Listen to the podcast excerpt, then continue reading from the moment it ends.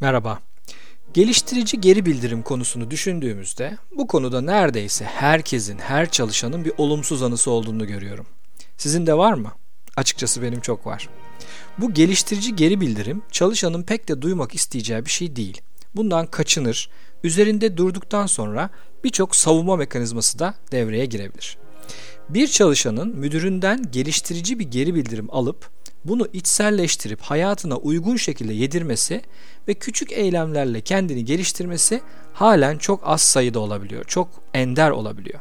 Bu konuda çok sayıda çalışmalar, eğitimler yapılıyor ve bu konu tek bir podcast'te sığmayacak kadar da kapsamlı. O yüzden birkaç bölümde ele almak istiyorum. Ekip lideri olarak ekibinizdeki bir çalışanın verdiğiniz işi istediğiniz gibi yapmadığını gördünüz. Birdenbire içinizde bunu ona söylemek ve düzeltmekle ilgili bir ateş yandı. Eyleme geçme isteği uyandı. Bu ani oluşan yangın doğrultusunda harekete geçmeden önce şu soruyu sormanızı öneriyorum. Bu gerçekten iş sonucunu etkileyecek ve çalışanın düzeltmesi halinde önemli gelişme sağlayacağı bir konu mu? Yoksa benim bir önceliğim veya benim bir tercihim mi?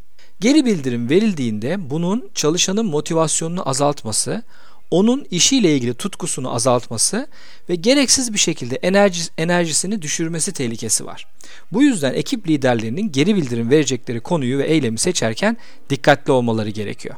Çalışanlar yaptıkları işi sahiplenirler. Bu onlar için değerlidir ve onların iç motivasyonunu sağlayabilir.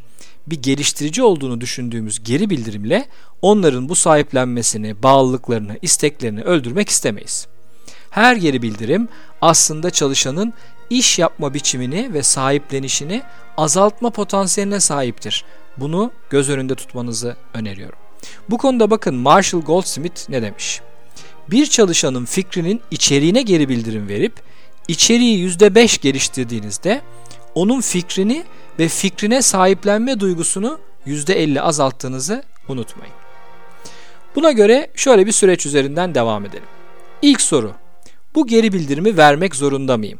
Eğer cevap evetse bu konu küçük bir konu mu? Yani iş yapma biçimi, stili, sonucu, sonucu etkilemeyecek bir iş yapma yolu veya kişisel iş yapma tercihleri ise ve çalışan bu konunun farkındaysa sadece şunu sorun. Bu konuyu nasıl halletmeyi düşünüyorsun? İlk adımın ne olacak? Yani sahiplenme tamamen çalışanda. Çalışan bu konunun farkında değilse bırakın izlemeye devam edin. Çalışanın sahiplenmesini düşürecek bir geri bildirim faydasından çok zarar getirebilir.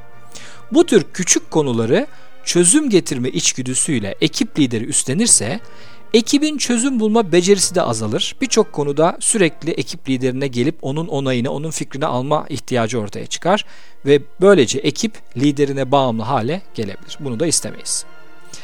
Peki büyük ve daha önemli bir konuysa müdahale ihtiyacı doğuran, projeye zarar verme potansiyeli olan, kişinin kariyerini olumsuz etkileyebilecek sorunlardan biri ise bu tür sorunlarda çalışanın kendini daha da kötü duruma sokmasını istemezsiniz.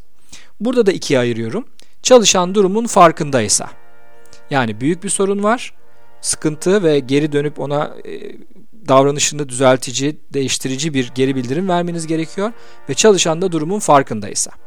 Bu durumda bile çalışanın sahiplenmeye devam etmesi önemlidir ve lider açık, geliştirici sorularla çalışana bu sorunu nasıl halletmeyi düşündüğünü sorabilir.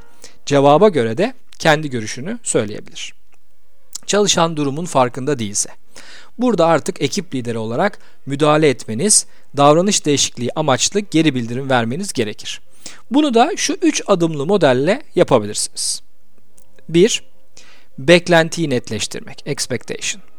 Çalışana ondan bekleneni net olarak ifade edin. Proje ile ilgili beklentiyi yeniden ifade edin ve net olarak anlaşılmasını sağlayın. 2. Örnek, example. O ana kadar çalışanın yaptıklarında neden beklentinin altında kaldığını açıklayın. Çalışan hangi konuda yaptıklarıyla beklentinin farkını bilemeyebilir ya da farkında olmayabilir. Bu konuda netlik olması çok önemli ve çok değerlidir. Bu farkı en fazla 2, 1-2 örnekle açıklayın. Ve 3. Güçlendirme, empower. Önemli konuda da sahiplenmenin çalışanda olmasını istiyoruz. Bu noktada ekip lideri çözüme katılabilir, beyin fırtınasına katılabilir. Fakat bu diyaloğun sonunda yine çalışanın sorunu nasıl aşacağı, neler yapacağı konusunda uzlaşmayı öneriyorum. Bu durumda bile sorumluluk çalışanda olmalı. Bu noktada delegasyon öncesi beklentinin belirlenmesinin ve ekip liderinin ve çalışanın bunu bilmesinin ne kadar önemli olduğunu görüyoruz. Eğer işin öncesinde ekip lideri olarak beklentiyi netleştirmemişseniz çalışana bu üç adımlı geliştirici geri bildirimi de veremezsiniz. Çünkü beklentiyi net ifade etmemişsiniz. Çalışan beklentiyi bilmediğinde performans da ölçülmez hale gelir. Böyle bir durum varsa ve siz düzeltilmesi gereken bir performans sorunu görüyorsanız öncelikle beklentilerinizi yeniden anlatmak için bir süre harcamayı düşünebilirsiniz. Çalışanlar beklentilerin belirli olduğu ve yaptıklarının bu beklentilerle olan farkının belli olacağı süreçleri isterler. Peki bu geliştirici geri bildirim öncesinde olumlu ve hoş bir şeyler söylemek gerekir mi? Biraz tipik, bizde de çok yaygın olan bir şey. Yeni bir çalışansa aranızda henüz güven ortamı oluşmamışsa evet önce olumlu bir giriş ve gözlem faydalı olabilir ve yaklaşık %10'unda diyalogların böyle bir şey bekleyebiliriz. Bir süredir birlikte çalışıyorsanız, zaten aranızda bir güven ilişkisi varsa o zaman bu baştan olumlu şeyler söylemek için kendinizi zorlamanızı gerekli bulmuyorum. Peki neden? 3 sebep var burada. 1. Ekip lideri olarak geliştirici geri bildirim vermeden mutlaka olumlu bir giriş yapmalısınız algısını oluşturmak istemezsiniz. O zaman olumlu geri bildirimin önemi azalıyor ve çalışan bunu samimi bulmuyor. Çalışanlar hemen şunu diyebilir. Yani bana olumlu bir şeyler söylüyor demek ki birazdan olumsuz bir şeyler gelecek. 2. Bu olumlu geri bildirimlerde örnek vermemek. Mesela iyi iş çıkarıyorsun genelde ama şu projede diye başlarsanız ilk bölümünün samimi olmadığını yine e, çalışan duyacaktır. 3. Çalışanın yanlış algılaması tehlikesi. Ekip lideri baştan bir iki olumlu şey söyledikten ve konuyu kendince yumuşattıktan sonra geliştirici geri bildirim verildiğinde çalışan şöyle diyebilir. Ya duyduklarıma göre işleri iyi gidiyor ya birçok olumlu şey söyledi müdürüm. Demek ki yaptıklarım iyi iyi gidiyor. Demek ki yaptıklarımı yapmaya devam edebilirim. Bu yanlış anlamaların olmaması için geliştirici geri bildirim öncesinde illa olumlu bir geri bildirim vermek gerekmeyebilir yerine ulaşan ve etkili olan geliştirici geri bildirimlerin artması dileğiyle. Bu konuya devam etmeyi planlıyorum.